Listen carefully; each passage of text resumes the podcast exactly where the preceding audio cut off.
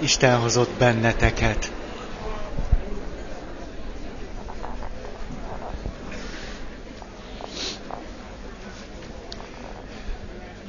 Beszéltünk a passzív magatartás formákról, és elhatároztam, hogy ma nagyon komoly leszek. Nagyon komoly, nagyon rendes. Múltkor kinevettük magunkat, legyen annyi elég. Ma komolyan. Szóval a passzív magatartás formáknak, amelyeknek a leírását a tranzakció analízisből vettük, négy alaptípusa van, csak gyors ismétlés a semmittevés, a túl alkalmazkodás, a zaklatottság és izgalmi állapot, valamint a tehetetlenség, és aztán az abból fakadó erőszak. És ezek egyre súlyosbodó formáit jelentik a passzivitásnak és az eltehetetlenedésnek, és hogy ezek az állapotok fönn tudnak maradni, az a hiten múlik, mert hát minden a hiten múlik. És hogy miféle hit kapcsolódik ehhez, egy, hogy túlélésünk másoktól függ, csak alá fölé rendelt viszonyban tudok élni. Saját szükségletemről nem tudok magam gondoskodni. Nem vagyok önállóan képes létezni, el kell érnem, hogy valaki minden áron szeressen. Aztán a boldogsághoz mindenképpen egy másik személy gondoskodására van szükségem. Szerbus Zsuzsa. Látlak hogy zsezsegsz. Na, csak akkor vagyunk elégedettek, és engedjük meg magunknak az örömöt, ha egy fontos ember megdicsér, észrevesz, és azt mondja, hogy jó voltál. Na, ezek a, a negatív hit, ami, e, na, de, de, de. tehát ezek azok a hitformák, amelyek megerősítik a tehetetlenség és a passzivitás magatartás formáit.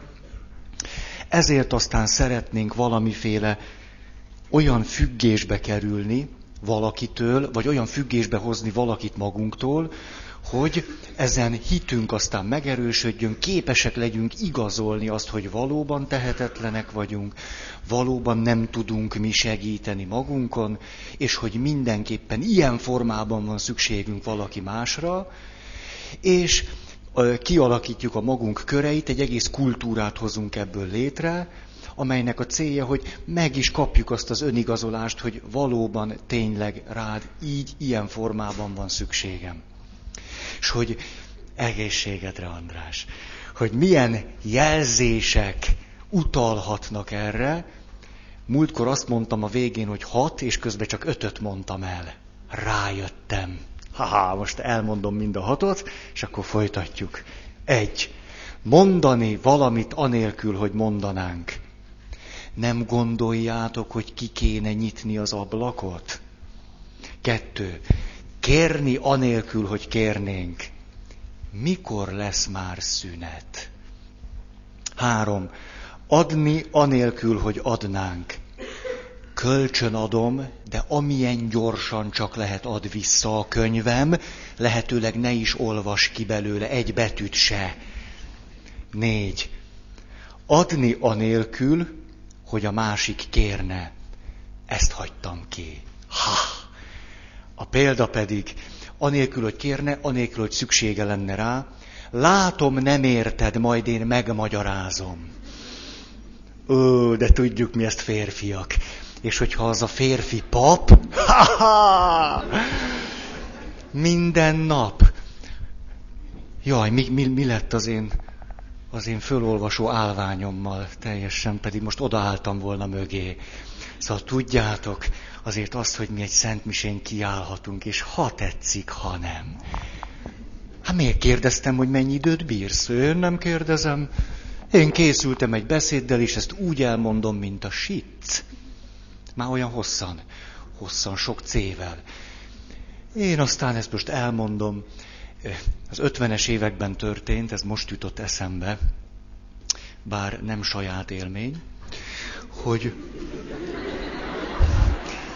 hogy egy kedves atya, aki nekem nagyon fontos volt, jóba lett az ottani dorogbányai pártitkárral. Na, szép kapcsolat, nem? 50-es évek, 60-as évek eleje. És akkor egyszer a dorogbányai pártitkár azt mondja a papnak, tudod, nagyon irigyellek ám titeket, ti minden vasárnap elmondhatjátok a programbeszédet. Na, aztán olyan jóba lettek egymással, hogy amikor meghalt a pártitkár, ez már a 60-as évek közepe volt, akkor a végrendeletében név szerint kérte, hogy ez az atya temesse el. Dorogbányán, 60-as évek elején, hát ezzel egy dolgot tudott elérni, egyrészt, hogy őt eltemette a pap, másrészt, hogy a papot fölfüggesztették, majd nem, majd nem. Sikerült végül is egy még kisebb helyre helyezni, mint Dorogbánya, mert hát látni való, hogy veszélyes emberről van szó.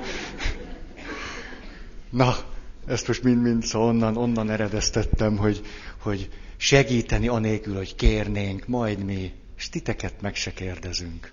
Na. Öt. Elfogadni anélkül, hogy elfogadnánk. Remek, amit mondasz, de nem lehet megvalósítani. Segítséget kérek, de egyszerűen nem vagyok hajlandó ebbe, ebben élni.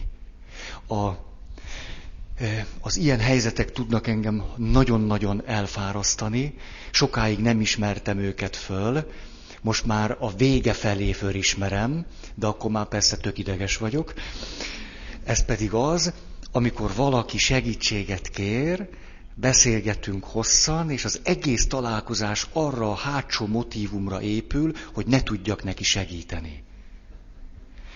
Hogy az derüljön ki, hogy amikor elmegy, hogy na, itt sem tudott rajtam senki segíteni.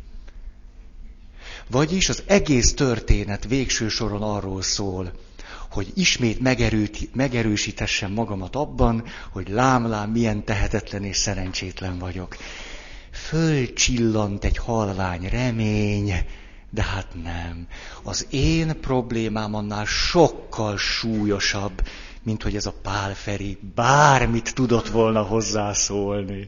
És akkor összejövök aztán a barátaimmal, és ezt kedvesen elcsevegve elmondom, hogy nem tudod segíteni, nem, hát, hát hogy is, látjátok, milyen nehéz az én életem. És akkor, na, nem folytatom. Oké. Okay. Hat. Visszautasítani anélkül, hogy visszautasítanánk. Hát talán jobb lenne, hogyha máskor jönnél de jókor jöttél, nagyon örülök neked.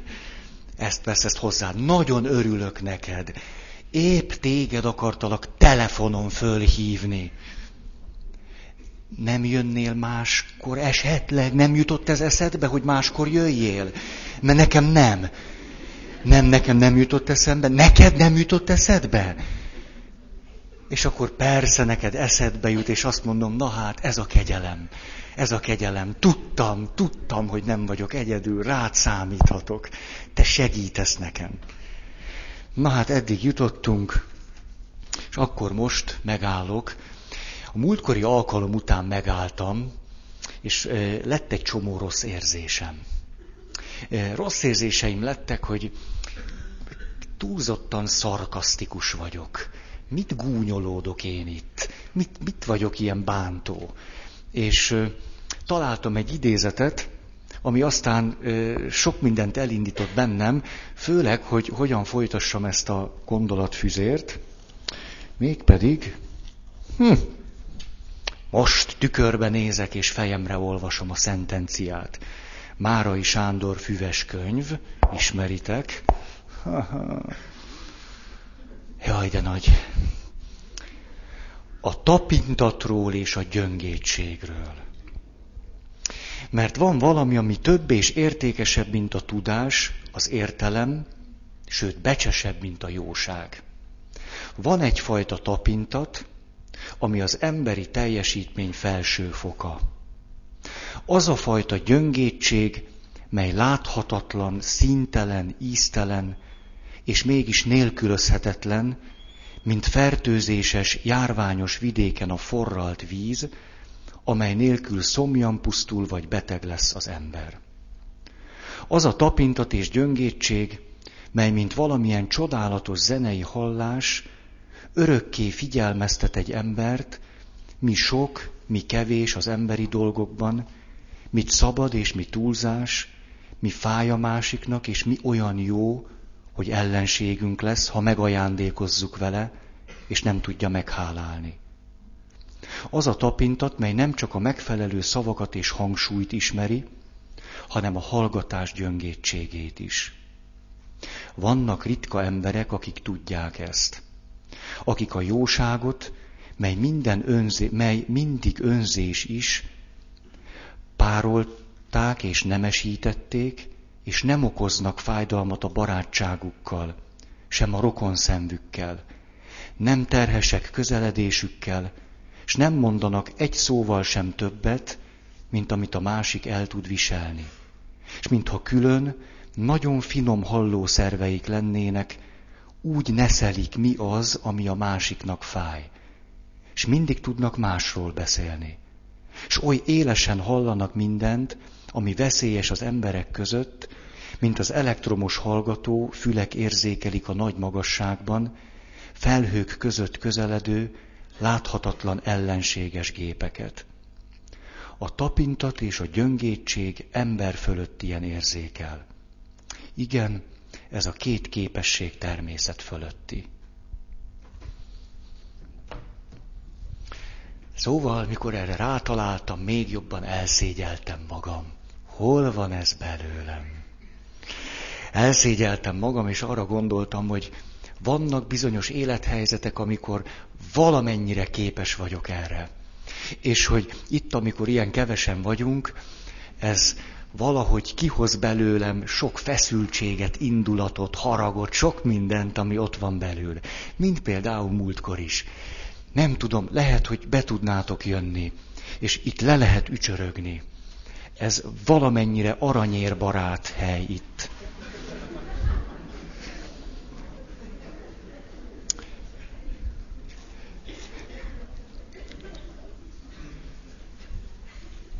Szóval ezen, ezen töprengtem és vívódtam, és aztán szomorú lettem önmagammal kapcsolatosan, és próbáltam megtalálni az okát, hogy mi lehet ez, hogy miért jövök indulatba, hogy miért leszek gúnyos, miért csipkelődök és piszkálódok.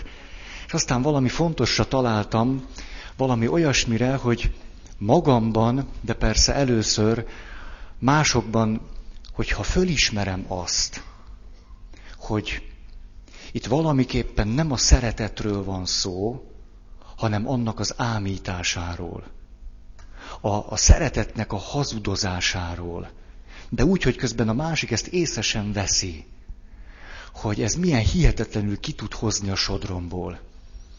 És aztán fölismertem azt, hogy milyen nehéz nekem szeretni. Nem megy könnyen. És a múltkori előadásban azt hiszem, hogy, hogy tapasztalhattátok azt, hogy voltak pillanatok, amikor belőlem kivészett a szeretet. Kiveszett belőlem. És megmaradt a gúny. Csak, csak az él, az él maradt meg. Ugye, nem voltam tapintatos sem gyöngéd egyáltalán. Persze, azt hiszem, hogy nehéz ez a műfaj, hogy így ennyien vagyunk, és ezt valahogy mindig érzékelni. És a, a haragom meg a dühöm azt hiszem, hogy egy fájdalomból fakad. Ez pedig az, hogy olyan gyakran tapasztalom kapcsolataimban, beleértve a magammal való kapcsolatot is, az együttérzésnek a korlátait. Ez alatt azt értem, hogy találkozom valakivel, és látom, hogy milyen hallatlanul fontos számára az, hogy együttérző legyek. Szeressem őt. És közben egyre inkább tapasztalom azt, hogy ez egy csapda. Hogyha én semmi más nem csinálok, csak együttérző vagyok, akkor el fog telni a találkozásunk úgy, hogy kap valami kis enyhületet, valami kis megnyugvást, kap egy kis levegőt, egy pár csepp vizet, és utána az élete pontosan ugyanúgy folytatódik, mint előtte. És hogy milyen nehéz nekem egyszerre együttérzőnek lenni, tapintatosnak és gyöngédnek, de közben mindig megtalálni azt a pillanatot, ahol most a szó legjobb értelmében a szeretettel összeegyeztethető módon be lehet szólni. Ezt persze szépen a klasszikus irodalomban úgy szokták mondani, hogy az együttérzést és a kihívást ötvözni kellene tudni. És én azt hiszem, hogy általában nem találom meg, vagy gyakran nem találom meg a jó egyensúlyt. És amikor az együttérzést túlzásba viszem, hogy közben fölismerem, hogy ez már nem segít neked. Mert nem találtam meg, hol lenne az a pont, ahol lendíteni lehetne valamit az életen, akkor dühös leszek rád. Na, ná, hogy nem magamra. Rád. Ide jöttél, hogy együtt érezzek veled, hogy a pap szeressen téged, te. Ugye, és dühös vagyok rád. És azt gondolom, te csaptál be engem. Dehogy is. Nem, nem. A saját tehetetlenségemet fedezem föl. Hogy nem sikerült megtalálni ezt a jó egyensúlyt. Erre jöttem rá a múltkori alkalommal. És hogy ez elvezetett oda, hogy mondjuk bocsánatot kérjek most minden olyan pillanatért, amikor valóban kivész belőlem a szeretet. Mert ilyen pillanatok biztos, hogy folyamatosan vannak. Amikor azt gondolom, hogy na most már elegem van ebből a gyöngétségből, meg együttérzésből, meg tapintatból. Mikor azt akarom, hogy fölébredj, de azért sokféleképpen lehet embereket fölébreszteni. Ugye? Tehát lehet úgy, hogy egy vödör vizet a nyakába öntök, és utána megállok, és azt mondom, szeretetből tettem, nehogy elkés a munkából. Ugye, és ez egy nagy hazugság. És hogy bizonyára, tudom, itt voltak múltkor is, meg újból és újból ezek a pillanatok, amikor nem finoman fölkeltlek, pedig talán elég lenne hanem a nyakadba zúdítom a vizet, és azt mondom, szeretetből csináltam. És ez nem igaz. Úgyhogy e, ezeket akartam nektek elmondani, hogy e, ti jól tudjátok mérlegelni azt, hogy mikor válok hamis forrássá. Persze nem is vagyok forrás soha. Mikor, mikor a, a szennyvíz, mikor áramlik be az ivóvízbe. Mert hát természetesen ez megtörténik. Lehetetlen, hogy ne történjen meg. És hogy most akkor egy picit, most rátok nézve azt mondom, hogy nem tudlak fölmenteni benneteket az alól a munka alól, hogy ti eldöntsétek, hogy mikor áramlott a, a, a tiszta vízbe a szennyvíz. Nem vagyok tökéletes, és ez mindenképpen megtörténik. Közben pedig nem akarok csak együttérző lenni. Egyáltalán nem akarok. Néha van valaki, aki a lelki gondozói munkában nagyon sokat adott nekem, és sokat tanultam tőle, neki van egy hasonlata, azt mondta, hogy néha az emberi szavakkal egy kapcsolatban úgy kell bánni, mint ahogy a, a sebész a szikével. Lehet finoman vágni, de vágni kell. Különben nem jutunk el oda, amit ki.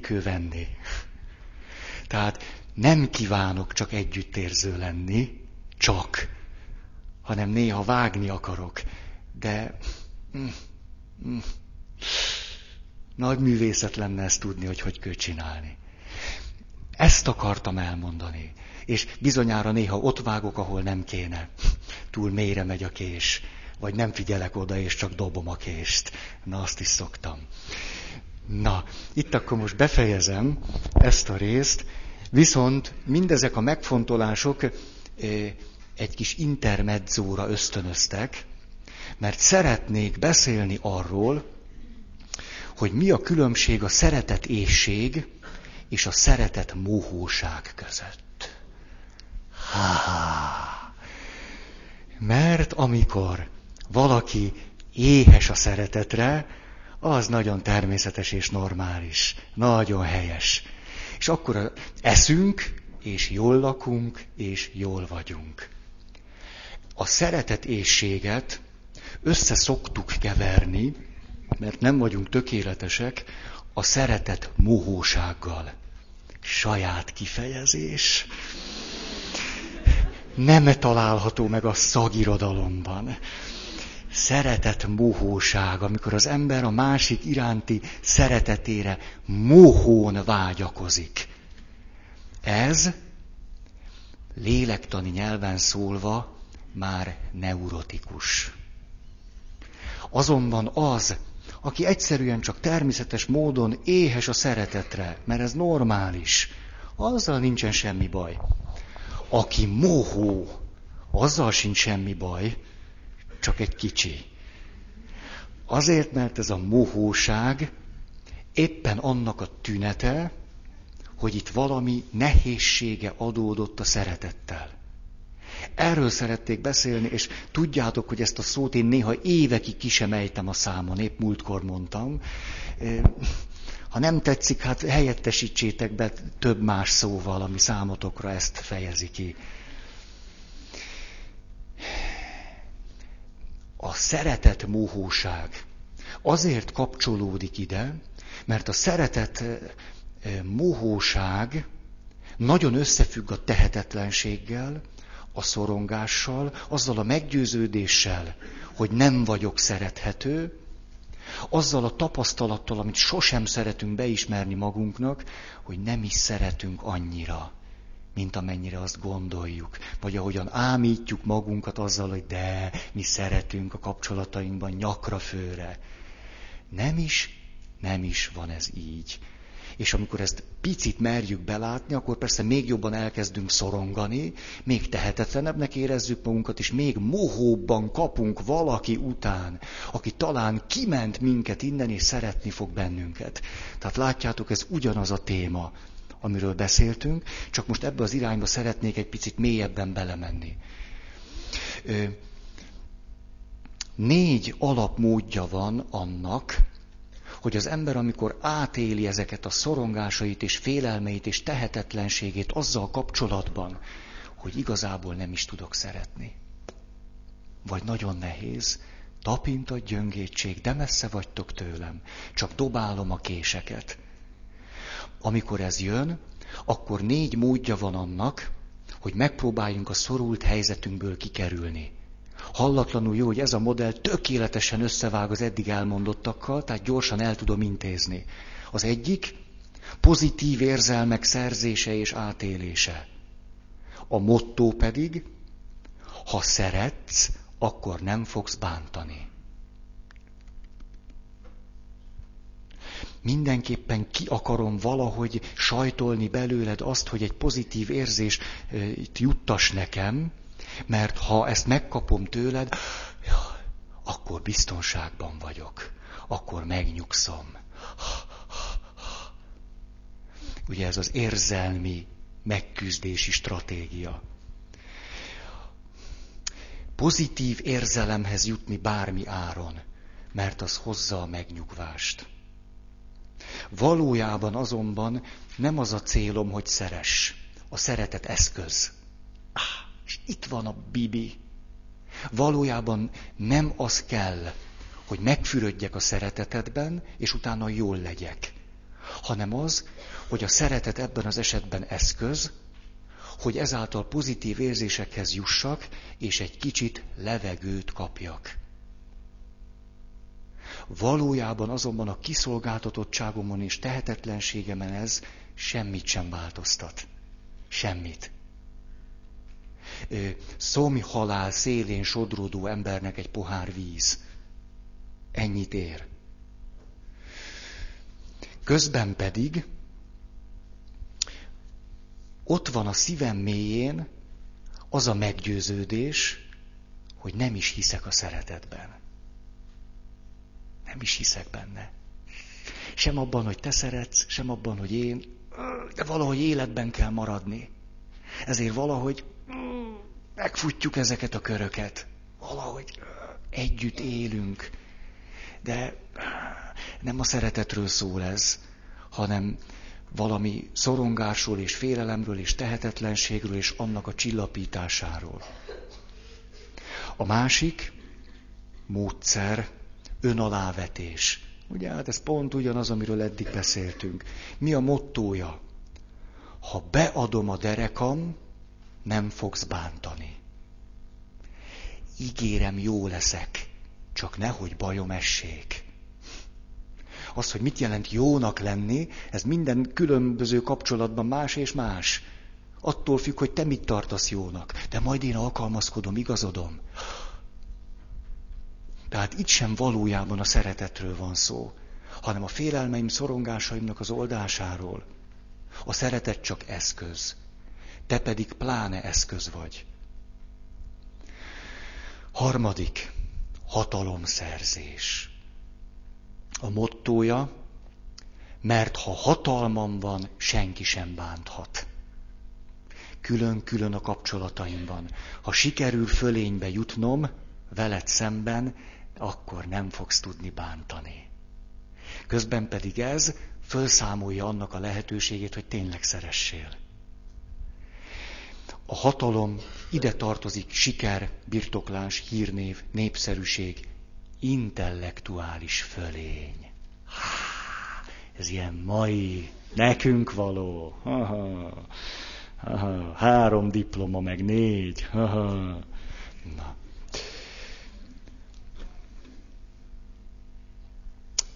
Negyedik, visszahúzódás. Ez a semmit tevéssel rokonítható. Vagyis, motto, ha visszavonulok, nem érhet baj. Aki nem csinál semmit, nem téved, nem hibázik. Ez valami ilyesmi. Nagyon sokan hihetetlenül mohón vágynak a szeretetre, de egy pár csalódásuk, meg az a az a szeretetbe vetett hitnek a mély-mély megrendülése, ami végül is ott van a szívük mélyén, az arra ösztönzi őket, hogy hagyják az emberi kapcsolatokat. Ne nagyon menjünk bele. Ne. De azért valamire szükség van, és akkor ezek különféle ilyen félmegoldásokat, játszmákat, kihasználósdít, áldozatosdít, megerőszakolósdít, mit tudom én, milyen történeteket hoz elő. A függetlenség megóv engem attól, hogy te bánthassál engem. A szeretetet arra használom, hogy életben maradjak. De amikor igazán elkezdenél szeretni, akkor ellöklek magamtól. Mert akkor nő a fenyegetettség. Magam sem tudok, hogy mit kéne azzal kezdenem. Hiszen magamat olyannak tartom, hogy nem is vagyok szerethető. Tehát nem hiszem el, hogy te szeretsz. Ez volt a múltkor az a nagyon gúnyos pofám, amikor leírtam eléggé szeretetlenül, hogy ahogy egy párkapcsolatban egy férfi próbálja meggyőzni a nőt, hogy te szeretlek, szeretetre méltó vagy. És a nő sír, és nem hiszi el, és azt mondja nem, és nem, és nem. És hogy a férfi ugyanezt megcsinálja maga módján. Mert azt gondolja, hogy a nő miközben valóban szereti őt, most éppen játszik vele. Most ez egy hatalmi játszma. Mert a nők annyira zseniálisan csinálják, ahogy ezt hallottam valakitől.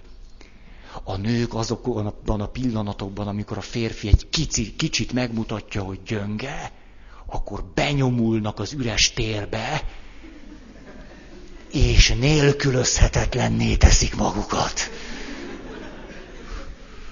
Na, ez egy ilyen neurotikus árszpoétika a házastársi kapcsolatról.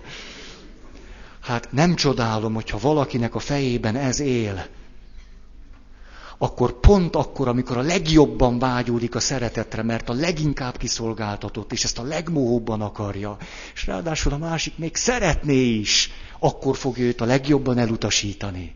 Ha! És minél jobban szereti a másik, az annál fenyegetőbb.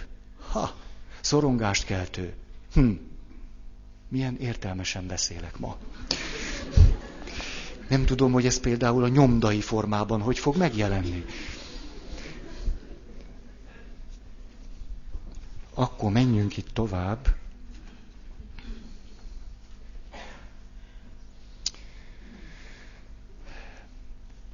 A helyzet miért olyan nehéz? Azért, mert a szeretet vágyunk, amely mohósággal párosul, ha csak éhesek lennénk a szeretetre, akkor azt megkaphatnánk, és jól laknánk. Innánk, és köszönjük, nem vagyunk szomjasak. A legtöbb ember azonban nem ilyen, hanem mohó. És ezek a stratégiák egymással ráadásul összeütközésbe kerülnek. Tehát minél mohóbban vágyok a szeretetre, annál inkább akarok hatalmat gyakorolni fölötted, és ez annál kevésbé teszi lehetővé, hogy tényleg szeressél, ezért még rosszabbul érzem magam, még tehetetlenebb vagyok, még jobban szorongok, és ezért még jobban akarok hatalmat gyakorolni fölötted. És ezek ördögi köröket jelentenek. Párkapcsolatban az a néhány évtized, amikor gyilkoljátok egymást. A, ez a pozícióért folytatott élet-halál harc. Ebből jól ki lehet jönni egyébként. Érdemes nem 20-30 évig csinálni. Tehát néhány év elég szokott lenni ahhoz, hogy nagyjából belássuk, hogy meddig lehet elmenni ebben. Tehát nem érdemes nagyon sokáig. Akkor érdemes egy kicsit megállni és nézni, hogy ez most akkor... Vannak olyan család segítő guruk, akik azt mondják, hogy amikor, ezt most gyorsan idehozom, mert biztos szeretnétek, hogy amikor a szerelem által való mindenféle kivetítések korszaka lejár. Tehát elkezd két ember egymás mellett élni úgy, hogy most már látom, hogy kit vettem el. Most már látom, hogy kihez mentem hozzá, ez jó pár éven keresztül megy, mert amikor a szerelemnek vége, akkor általában még szeretjük ezeket az illúziókat valameddig föntartani. Valameddig, valameddig, valameddig, és aztán végül teljesen összetör ez a kép, ez normális, ez így működik. És amikor teljesen összetört, akkor megáll bennünk az ütő, hogy most mi lesz. És ilyenkor kiéleződik a harc. Ez nagyon normális. Nyugodtan. A harc az kell. A harc kell azért, mert rájövünk arra, hogy nem vezet sehova. Erre érdemes minél hamarabb rájönni. És amikor az ember ezt a harcot befejezi, mert rájött, hogy ezzel csak tönkretesz mindent, és hogy nem ezen fog múlni, akkor elmélyül a kapcsolat. Hm. Látjátok, milyen egyszerű.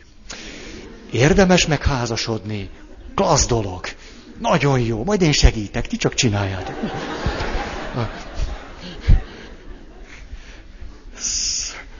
Szóval a legtöbb párkapcsolatban, amikor beköszönt az ádáz élet-halál harc, biztos láttátok azt a jó kis amerikai filmet, tudjátok, a, hogy, micsoda? Rózsák háborúja. Ú, hát én, én kétszer majdnem kimentem a moziból. Tehát azt annyira jó megcsinálták, hogy szörnyű. Egyszerűen szörnyű. És ha nem láttátok, nézzétek meg, szörnyű, borzongatóan jó. A, de úgy némicskét elárul ennek a hasztalanságából. De érdemes lejátszani egy-két meccset, mindenképp, át kell rajta menni. De nagyon sok pár azt gondolja, amikor megy ez a küzdelem, hogy ezután nincs folytatás. Tehát, hogy végül is a történet arra szól, hogy vagy én maradok meg, vagy ő.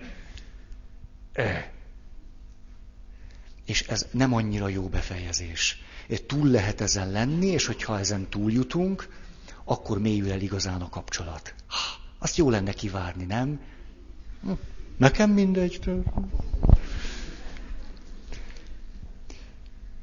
Mondok akkor ilyen súlyos dilemmákat, amelyek kétségbejtő tehetetlenségbe sodornak. Szeretnék uralkodni, de közben azt akarom, hogy mindenki szeressen. Ezt egyszerre szoktuk akarni mindenki fölött ellenőrzést gyakorolni, de közben szeressen mindenki. Ha-ha! És ez nem megy. Na, most ment a kés. Aztán meg akarok felelni mindenkinek. De legyen minden úgy, ahogy én akarom. És padlót fogunk, mert nem megy a kettő egyszerre. Aztán szeretnék leválni végre rólad, utálom ezt a szimbiózis, ezt a kóros függést, de sóvárgok az iránt, hogy ne legyek egyedül, és szeress engem. És ez ugye létrehozza az ördögi köröket. Ellehetetlenülünk, és mi marad más hátra, mint a szeretet sóvárgás.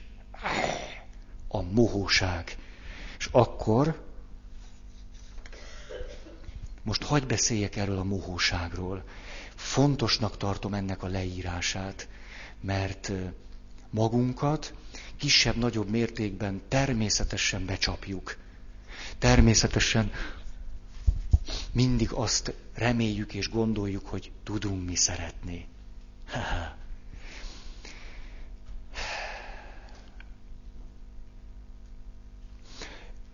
A példa az az lenne, hogy mi a különbség a szeretet ésség és a szeretet mohóság között, amikor gyerekkorban fára mászunk. Remélem, hogy a lányok is másztak fára. Nagyon remélem. Nagyon jó dolog fölmászni a cseresznyefára, amikor érik a nagy szemű fekete cseresznye, és fölmászol, és egy napot eltöltesz ott. Hát mi? Nem kell lejönni. Nem, egyáltalán nincs rá szükség. Tehát van kaja, a jó dús, leves, inni se kell. Megvan minden. Le tudsz ülni, le lehet egy ilyen enyhe dőlésű ágra ráfekszel. Egyszerűen minden megvan és ott eltöltesz egy napot. Remélem csináltatok ilyet. Nagyon remélem. Na. És az ember válogat a cseresznyefák között. Nézegeti, melyikre lehet magasabbra fölmászni, oldalt, hol lehet biztonságosabban elmenni, és nagyon élvezzük az egészet. És utána iszonyúan fáj a gyomrunk. De, de, megéri. Hát ha voltatok gyerekek, akkor tudjátok, hogy megéri. Az a cseresznye. Ah, évente egyszer legalább annyi cseresznyét tenni, hogy fájjon. Na, a, szóval, mi történik? Esszük a cseresznyét, és a cseresznye evéssel egyenes arányban jól vagyunk. Nem, jól vagyunk, élvezzük az életet. És amikor úgy vagyunk, hogy már egyetlen szemet sem bírunk már lenyelni, egy, és épp, hogy le tudunk gurulni a fáról, akkor ezt megtesszük, és érdemes élni. Most még, mert egy-két óra múlva... Na, ez a szeretet éjségképe. Jól vagyunk, jól vagyunk. A szeretet mohóság nem ilyen. A szeretet mohóság alapmotívuma nem az, hogy megérett, mondjatok egy jó cseresznyefajtát. Na, ezt az egyet ismeritek csak? Ha, tu. Az megy, hát a cigány az megy. Az, a... Tehát, mi a motívuma? A cseresznye. Ugye, cseresznye. A cseresznye azért megy az egész. És a cseresznyének a következménye, hogy jól laktál. Az emberi kapcsolatainknak ez a legegyszerűbb modellje. A cél a másik, és a következmény, hogy közben jól is lakom. Hm, ilyen egyszerű. A szeretet mohóság nem így működik. A szeretet mohóság abból fakad, hogy üldöznek üldöznek, szorongok, félek, tehetetlen vagyok. Valamit muszáj csinálni. Mit csinálok? Itt egy fa. Fölrohansz a fára. Jé, cseresznyefa. De mindegy, fölmászol akármire, póznára, a másik ember hátára, tök mindegy. Csak hogy mászhass valahova, mert félsz és szorongsz, hogy tudod, tehetetlen vagy. Ez a különbség. Kívülről mit lehet látni? Az egyik cseresznyefán egy ember, a másik cseresznyefán egy ember. A két történet között döntő különbség van. Nem mindegy, hogy hogy ülök a cseresznyefán. Hogy miért másztam oda föl. És mit várok ott. Az egyik esetben mit várok? Szeretnék jól lakni, minden egyes Na, nem, szóval, bocsássatok meg, ezt muszáj egy kicsit hosszabban mondanom. Tehát, amikor ott vagy a cseresznyefán, és egymás után veszed le a szemeket, én bennem mindig az van, és az órákon keresztül kitart, hogy most találok az előző szemnél egy édesebbet. És, és, és ez tényleg édesebb. Szóval én, tudod persze, hogy ez hülyeség. Hát nem lehet, hogy, hogy két órája mindig édesebb szemet találsz. Hát nem, ez nem lehet de közben ezt éled át, iszonyú, jó, és ez, ez még feketébb, és ú, ez volt a kukacos. Hát mert a kukac, a kukac is tudja, hogy mi a jó. Hát persze, hogy ő is azt. És akkor én egy időben, tudjátok, mit csináltam? A madár csíptét, hát a madár csípte, mert kevesebb benne a víz, ezért édesebb. Komolyan már, már leülök, mert ezt nem lehet bírni. Mikor érik a cseresznye? Látjátok, ez az éjség. Na. Oh. Ezt most miért kezdtem, mert teljesen elszálltam. Látod? Milyen normális is vagyok. Szóval, igen, tehát, hogy ez megy, és eszed, és egyszerűen hallatlanul jól vagy.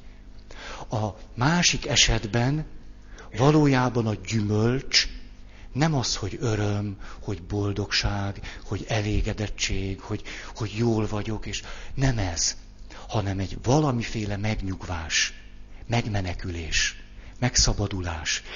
Sikerült megúszni, sikerült valamit túlélni. Jó van, mai napon is vala, valahogy túljutottunk, valami ilyen szeretetnek nevezhető morzsát valahogy elcsíptünk és főleg nem esett nagy bajunk. Túléltük. A kettő között nagyon nagy különbség van. Mi az, amit a mohó ember érezés gondol? A mohó ember a mohóságáról általában nem tud. A mohó ember azt mondja, én csak egy kis szeretetre vágyom. A mohó ember mindig ezt mondja csak egy kicsire. Én tulajdonképpen csak arra vágyom, hogy egy valaki egy kicsit szeressen. Emögött persze azt gondolja, hogy mindenki. Mindenki és nagyon. De ezt így fejezi ki, csak egy kicsi megértésre vágyom, hogy egy, egy kis elfogadásra, hogy egy kicsit ez a párkapcsolat most rólam szóljon. Hiszen én egész nap, egész nap érted éltem és úgy szeretnék egy kicsit most tőled. Én egyáltalán nem vagyok mohó és telhetetlen. Nagyon kevéssel is beérem. Valójában tudjátok, ez a trikó föliratok. Elől az van, ezzel fordulok feléd. Nagyon kevés is elég nekem. Házasságkötés előtt van egy zárójeles mondat. Érdemes engem választani. Házasságkötés után azonban megfordulsz, és a trikón van egy fölirat. Nagyon kevésre van csak szükségem, de folyamatosan. Van zárójeles mondat is. Nem is érem be kevéssel. De ez csak később derül ki. Na, aztán azt is kifejezem feléd, hogy azért vágyom a te szeretetedre, mert mindig és folyamatosan végül is annyira gyönge és kiszolgáltatott vagyok. Hát ezt csak megérted, nem? Egy alkoholista játszmában ez persze hogy merül föl, ott aztán már jó éles az, húha, a szeretet mohóság egy alkoholista játszmában. Neked mindegy, hogy én megdöglök felőled én akár meg is dögölhetek. Ez egy klasszikus alkoholista játszmabéli mondat. Azt mondja, én nagyon keveset kérek tőled. Nagyon-nagyon keveset. Csak azt, hogy 50 éven keresztül fizes nekem alkoholt. Csak ennyit. Viseld el azt 50 éven keresztül, hogy én. És amikor eleged lenne belőlem, akkor jövök ezzel a mondattal, csak nem vagy képes most elhagyni, amikor ennyire nyomorult vagyok.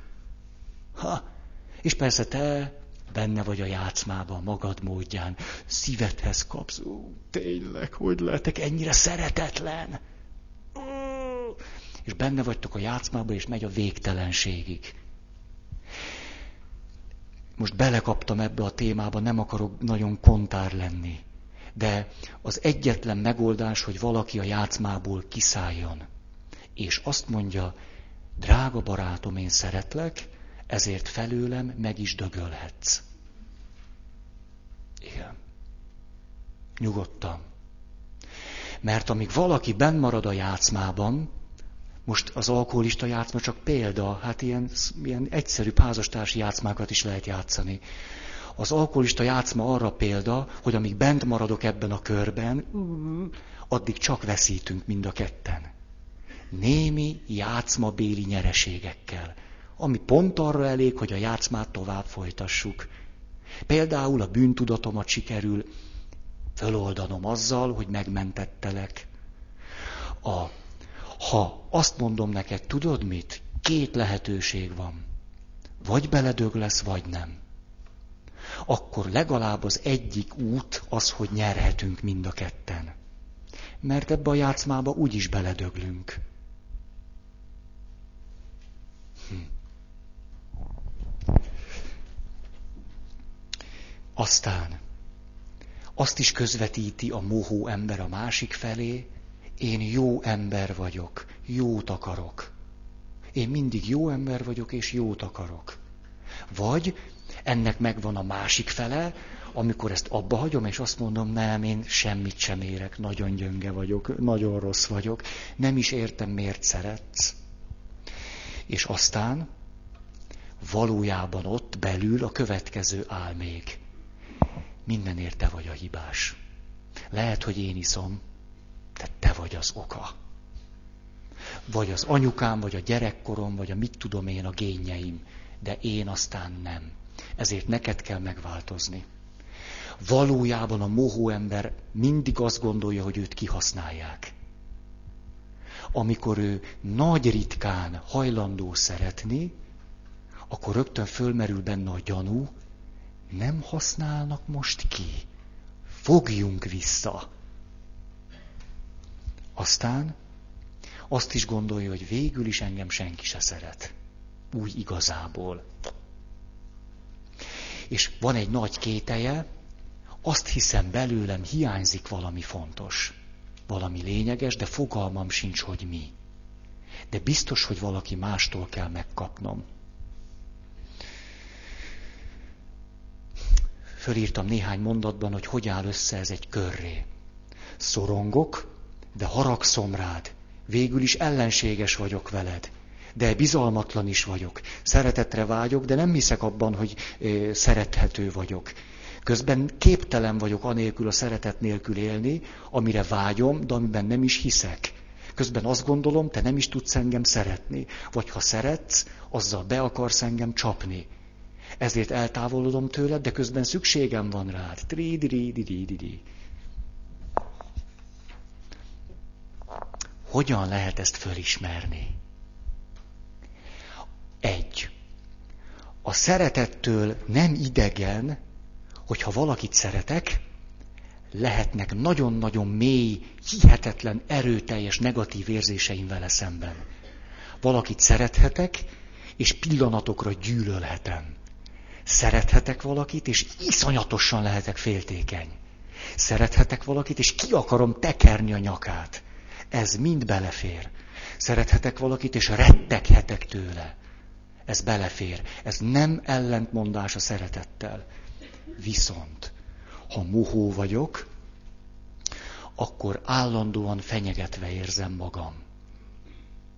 De ezt próbálom elfolytani, nem tudatosítani, de végül is fenyegetetnek érzem magam folyamatosan. Ha te a másik valakivel törődsz, akkor ez úgy hangzik nekem, hogy elhanyagolsz engem. Akiben szeretet mohóság van, szeretet ésség helyett, az minden olyan figyelmet, amit az a valaki, akit kitüntetett azzal, hogy ő neki kéne szeretnie engem, és az mással foglalkozik, mással törődik, ez bármi lehet. Súlyos esetben egyszerűen, hogy dolgozik. Ha. Öt hónap után először elpróbált menni a férfi a barátaival inni 8-9 sört. Puf neki, olyan családi dráma, hogy... Hmm. De öt hónapig nem ment sehova. Hogy tudsz engem itt hagyni? Hát az oltárnál a Ferenc atya mondta előre azokat a megszentelt szavakat. Holtomiglan, holtodiglan, semmiféle bajodban. Isten engem úgy segéljen. De téged is, ezt te mondtad. Te mondtad, te, te mondtad először, te voltál a fél, te mondtad először. És én csak azért mondtam, mert te először kimondtad. És most, hogy öt hónap után először el akarsz menni sörözni. Hát nem látod, hogy mennyire magányos vagyok. Hogy töltöm én el ezt az estét? Semmi jó film nincs a tévében. És különben is. Na, aztán, ha a másik igényeket támaszt, lehetetlen szeretetben élni úgy, hogy nincsenek kölcsönös igényeink egymás felé. De ha te igényeket támasztasz felém, akkor fölmerül bennem az, ez nem fog jóra vezetni. Így kezdődik. Ma még csak azt kéred, hogy húzzam le a vécét magam után. Holnap talán még a WC deszka fölhajtását is. Harmadnapra pedig talán még föl is kell mosnom a vécét. Jobb, ha az elején befékezünk. Valójában ezek trükkös manőverei az uralom megszerzésének. Légy nagyon résen, kis Marci, vagy kis Rozi. Most figyelj, ha az elején elszaladnak a lovak, utána már ha, rohanhatsz utánuk. A, ha valamivel kapcsolatban kifejezed azt, hogy neked ez nem jó, hogy, hogy, hogy itten esetleg nem fogsz tudni még 50 évig élni, akkor ezt hogyan éled meg, ha te szeretet mohóságban vagy, úgy, hogy ez megalázó. Ez iszonyúan megalázó. Ez most hihetetlenül fáj. Nem azt éled meg, hogy a társad oda ment hozzád, és azt mondta, hogy te ezen valamit változtatni kéne, mert nekem nem jó. Nem így jön át, hanem úgy, hogy itt valami katasztrófa van, és ez téged véghetetlenül megaláz és sárba tipor. Most elvették az önbecsülésedet.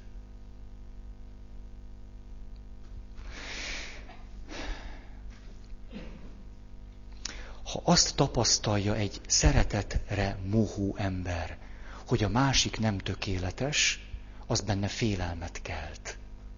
Azért, mert csak a tökéletes másik biztosíthatja azt, hogy én biztonságban legyek. Ezért lehet, hogy nagyon sokan párkapcsolatban megpróbálják kipasszírozni a másikból azt, hogy ő nem hibázhat. Tökéletesnek kell lennie. Olyan elvárásokkal nyomorgatják a társukat, amelyek lehetetlenek. Minden mögött a saját tehetetlenségem van. És az a félelmem, hogyha egy pillanatban te nem vagy tökéletes, akkor megszűnik az a szeretet, ami nélkül én nem tudok élni. Egy kicsit se. Kettő. A szeretettől nem idegen, hogy a másik közvetíti a szeretete által az én szükségleteimnek a beteljesülését. Tehát a szeretettől nem idegen az, hogy miközben szeretjük egymást, én egy csomó jót kapok ettől a kapcsolattól. Szükségleteim kielégülnek, vágyaim beteljesednek, és ez jó nekem. Hát hol, csak adni, hát ez, ez nagy betegség, ha valaki csak adni akar. Tehát nem idegen ez a szeretettől. De a szeretet mohó ember a szeretetet eszköznek használja, hogy más vágyait általa beteljesítse. Nem elégszem meg azzal, hogy fönn vagyok a cseresznyefán, és ehetek cseresznyét. Mert ez az egész csak arra való, hogy megmenekültem a kutyától.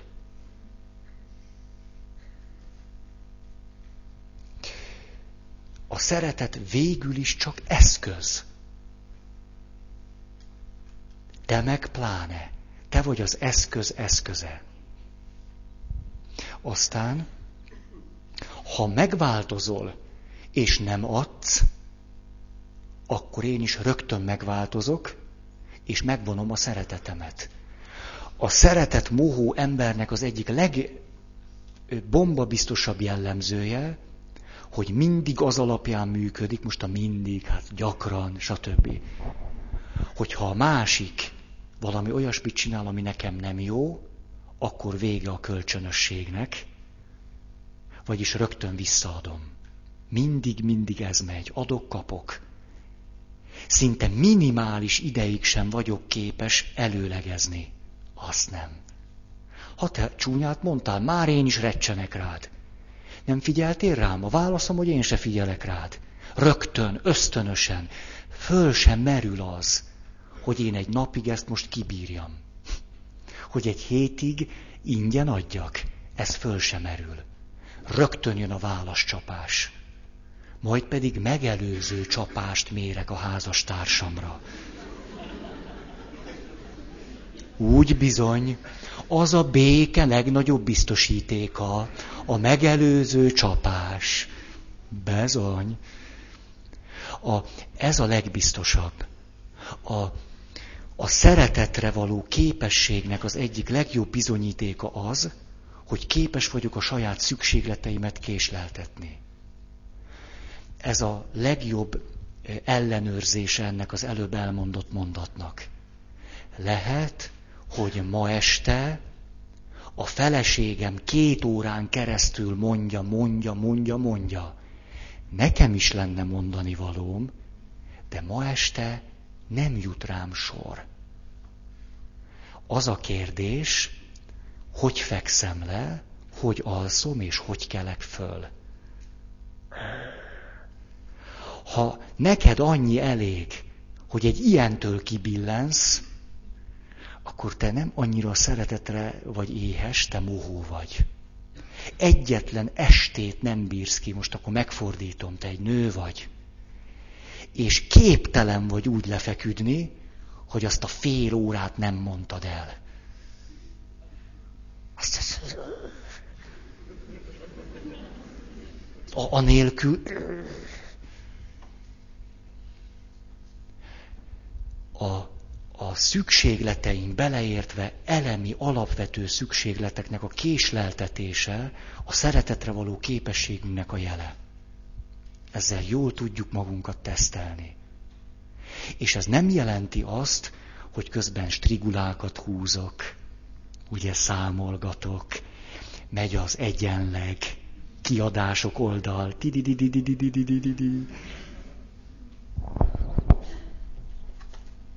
Aztán három. A szeretettől nem idegen az, hogy valamit akar a másiktól. Ha, a világ nem hülye vagyok, hanem szeretjük egymást. De ha én valóban szeretek, és ez egyszerűen csak egy normális ésség, akkor az éjségemet lehet csillapítani. Ha kapok, ugye, ha kap eszi, ha kap eszi, és jól van, köszöni szépen. Egy hét múlva jön csak legközelebb, mert addig köszöni jól volt. Aki mohó, az hiába kap, hiába eszik, rögtön éhes lesz megint. Rögtön és rögtön és rögtön. Beszélgetéseknek a vonalvezetése tud nagyon árulkodó lenni erről. Elmondom én, elmondott te. Elmondom én, Elmondod te. Elmondom én, és amikor te mondanád, akkor nekem az már sok. Nem, most, most, ha most mondom, beleszólok. Mondanád te, megint beleszólok. Megint beleszólok. Nem, nem, nem és nem. A legkisebb valami, amit kapok tőled, rögtön valahogy úgy jelenik meg, hogy ez most egy áldozat. Ú, ú, már, már két perce mondja.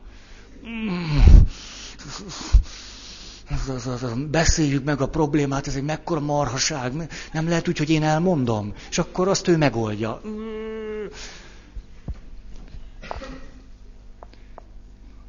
A, azért biztos van tapasztalatotok arról, amikor, na ezt két házastársak tudnak teljesen ö, ö, belebonyolódni ebbe, hogy mindenki csak a magáét mondja már.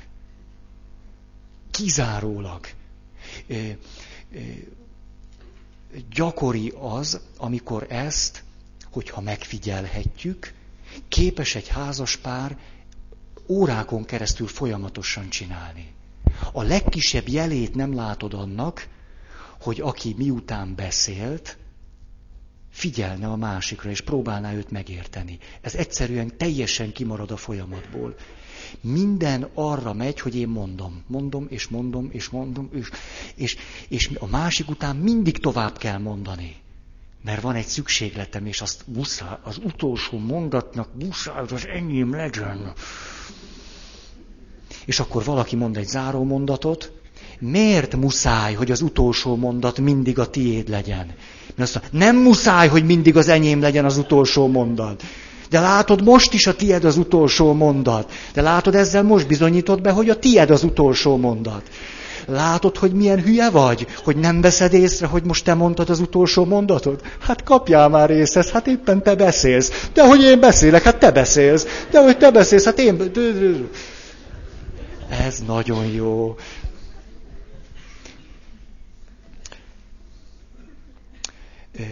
Föllelhető persze az, amit nagyon-nagyon nehezen ismerünk be, hogy nem köteleződtem el a másik felé. Dehogy, dehogy. Nem. Szerződést kötöttünk arra, hogy ő az én szeretett mohóságomat kielégítse. És ha nem kapom meg, akkor fel is út, le is út. Valamilyen formája. Na, ha valaki a másik iránt, ha az valami miatt nem elégíti ki az ő szükségleteit, az érzéseiben hihetetlen gyorsan változik, és tartósan nem jön vissza a pozitív érzés, akkor ő mohó. Vagyis lehetséges az, hogy te most már hetek óta rossz paszban vagy, és sokkal kevesebbet kapok tőled, mint amennyi jó lenne. Azonban a szeretetnek a pozitív érzései nem szűntek meg irántad. Van néha hiányérzetem, néha fáj, néha szomorú vagyok, néha dühös, de alapvetően a pozitív érzés nem tűnt el belőlem. Az ilyen ember egyszerűen csak éhes, és várja, hogy mikor kap enni. Akiből a pozitív érzések szinte egy csapásra kivesznek, és rögtön csak a harag marad. Rögtön az indulat, a félelem, a, akkor ott egy mohó emberről van szó. Hű, most elvesztett. Ja, itt a hónom alatt. Na tessék. Két kéz, két hónaj, iszonyú bonyolult az élet. Négy. Tényleg nem találtam, tehát ennyire tökéletlen vagyok. A szeretettől nem idegen, hogy magamat is fontosnak és értékesnek tartom. Ha. Viszont a mohóságban egyszerűen se erőm, se időm, se figyelmem veled foglalkozni. Ezt egy képhez tudom hasonlítani. Emlékszem, egyszer már nagy képüsködtem előttetek, hogyan mentettem meg egy fuldoklót. Két fuldoklót. Tényleg nem egyszerre, hát azért nem vagyok Superman. A uszodában megmentettem egy fuldoklót, de azt már elmeséltem. egyszer a Tiszából is kimentettem egy fuldoklót, azt még nem meséltem el. Pedig így volt, de lehet, hogy azt is elmeséltem. Emlékeztek rá? Nem?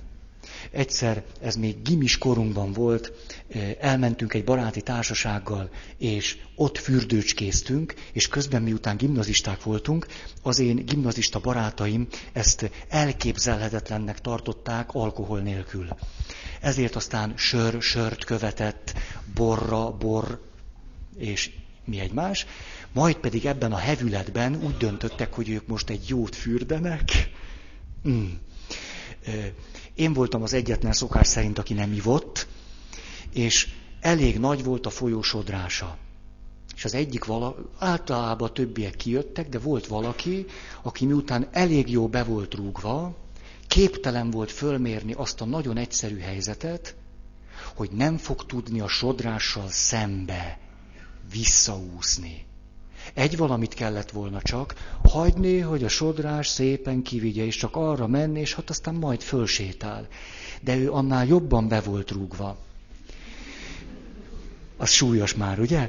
A, Ugye én is ben voltam a vízbe, és lehetett látni, egymással szemben voltunk, és láttam az arcán, hogy, hogy így egy ilyen, egy ilyen az erőlködés, a kétségbeesés és minden egyéb. Hihetetlenül félelmetes volt.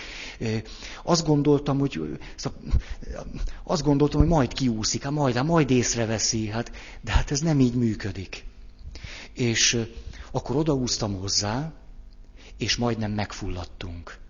Mert közben én nem voltam egy tapasztal, hogy kell kimenteni valaki. Mit tudtam én? Most már tudom. De ahogy abszolút nem lehet csinálni, ugye mivel szembe voltunk vele, én szembe odaúztam, és próbáltam őt átölelni.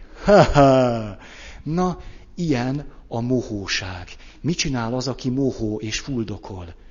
Úgy belekapaszkodott így a nyakamba, hogy majd megfulladtam és közben pedig ő semmit nem csinált azért, hogy kiússzunk. Őt egy dolog érdekelt, hogy megmeneküljön. Ez a mohóság. És akkor szép lassan kezdtünk ott belefulladni a tiszába. Nagyon, nagyon izgalmas volt. Az volt, az volt a, a szerencsém, hogy volt valamilyen ilyen brutális életöztön bennem, és elkezdtem őt, ahogy lett, rúgni, Hát ha eddig nem lett volna más baja, akkor majd én. És akkor így sikerült azt azt arra annyira emlékszem, sikerült fogást váltani, és én fogtam meg az ő nyakát, és azt gondoltam, hogy lehet, hogy hullaként húzlak ki, de... És akkor valahogy kiláb tempóztunk. És azt sem felejtem el, ott volt egy stég, akkor valahogy visszamentünk, és hogy így, így így ültünk a stégen, ilyen nem tudom mennyi ideig, mint ilyen hülyék. A, ez számomra az a kép. A szeretett mohó ember az így közeledik. És érthető a mohósága, hiszen ő élet-halál harcot vív. Legalábbis így éli meg. Ezért alkottam egy újabb fogalmat a megélhetési bűnözés mintájára, azt gondolom a ma emberét, aki szeretett mohóságban vergődik, valójában életben maradási bűnözés jellemzi. A szónapos nem jogi értelmében. Hihetetlen sok bűnt követünk el egymás ellen a mohóságunkból adódóan. Megfojtjuk egymást akármit megteszünk a másikkal, a muhóságból fakadóan. Ez életben maradási bűnözés. Ezért tud az egyház és a szeretet muhóságban élő emberek közti párbeszéd tökéletesen értelmetlen lenni. Mert mi azt mondjuk, testvér, tartsál bűnbánatot mire te azt mondanád, ha ezt meg, megfogalmaznád így, én nem engedhetem meg magamnak a bűnbánatot, mert tetszik tudni, én szeretnék életben maradni. És közben ezt te még talán szeretetnek is gondolod. Persze újabb és újabb nagyon nagy pofára esések történnek, amik elmélyítik ezt a fájdalmat és ellehetetlenülést.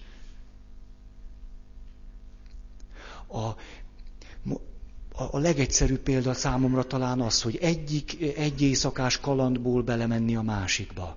Ez szeretet mohóság a mohóságnak egy súlyos formája. Egy estét sem bírok ki férfi nélkül. Egy estét sem bírok ki egy nő meghódítása nélkül. Muszáj. Ez mohóság. Közben azt gondolom, ez szeretet.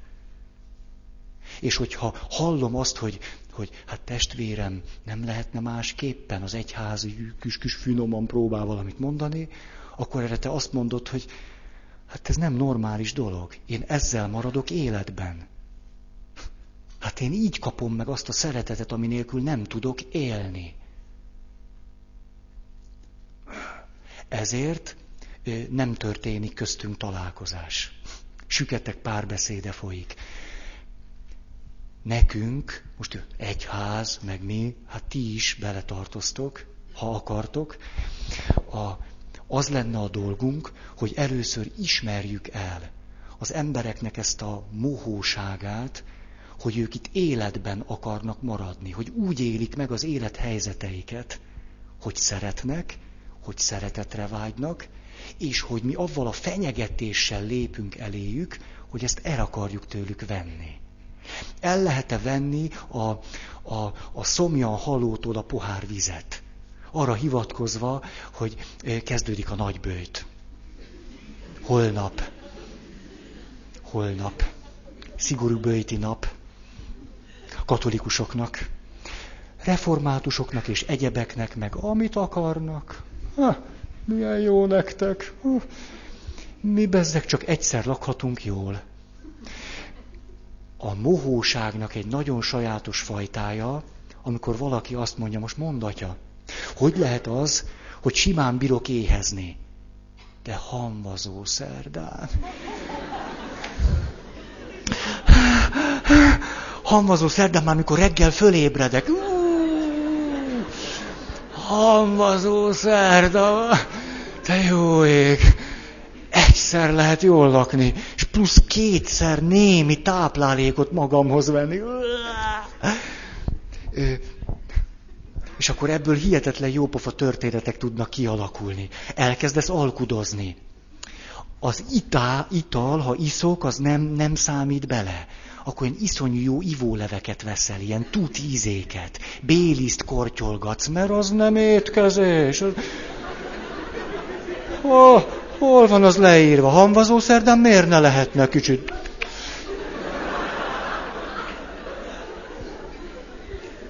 És aztán így egy kicsit végig, hogy mondjam, végig mártírkodod a napot, végig, végig szenveded és senyveded, Kis ez, kis az, csak finoman, csak iszol, csak.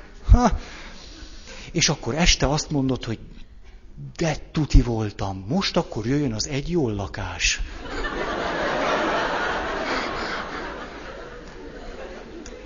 És akkor aztán, ami belefér. Ha elég rutinos, hamvazó szerdai megoldást választasz, akkor kivárod az éjfelet.